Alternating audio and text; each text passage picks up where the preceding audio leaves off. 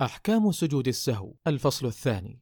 نواصل ما بدأناه من حديث حول أحكام سجود السهو وحديثنا اليوم عن السبب الثاني من أسباب سجود السهو وهو الشك والتردد بين أمرين. فإن غلب على ظنه أحدهما فليعمل به ويسجد للسهو بعد السلام وإن سجد قبل السلام فلا بأس. لما رواه عبد الله بن مسعود رضي الله عنه عن النبي صلى الله عليه وسلم أنه قال إذا شك أحدكم في صلاته فليتحرى الصواب. فليتم عليه ثم يسلم ثم يسجد سجدتين متفق عليه.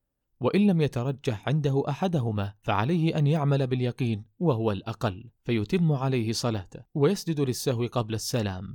دليل ذلك ما رواه أبو سعيد الخدري رضي الله عنه أن النبي صلى الله عليه وسلم قال إذا شك أحدكم في صلاته فلم يدر كم صلى ثلاثا أم أربعة فليطرح الشك وليبني على ما استيقن ثم يسجد سجدتين قبل أن يسلم فإن كان صلى خمسا شفعن له صلاته وإن كان صلى إتماما لأربع كانتا ترغيما للشيطان صححه الألباني. والشك في العبادات لا يلتفت إليه في الحالين التاليين. أولا إذا كان بعد الفراغ من العبادة فلا يلتفت إليه إلا إذا تيقن الأمر فيعمل بمقتضى يقينه. ثانيا إذا كثر الشك مع الشخص بحيث لا يفعل عبادة إلا حصل له فيها شك فلا يلتفت إليه. زادنا الله علما وهدى وتوفيقا. نكتفي بهذا القدر ونتحدث في اللقاء القادم بمشيئة الله عن السبب الثالث من أسباب سجود السهو وهو النقص في الصلاة.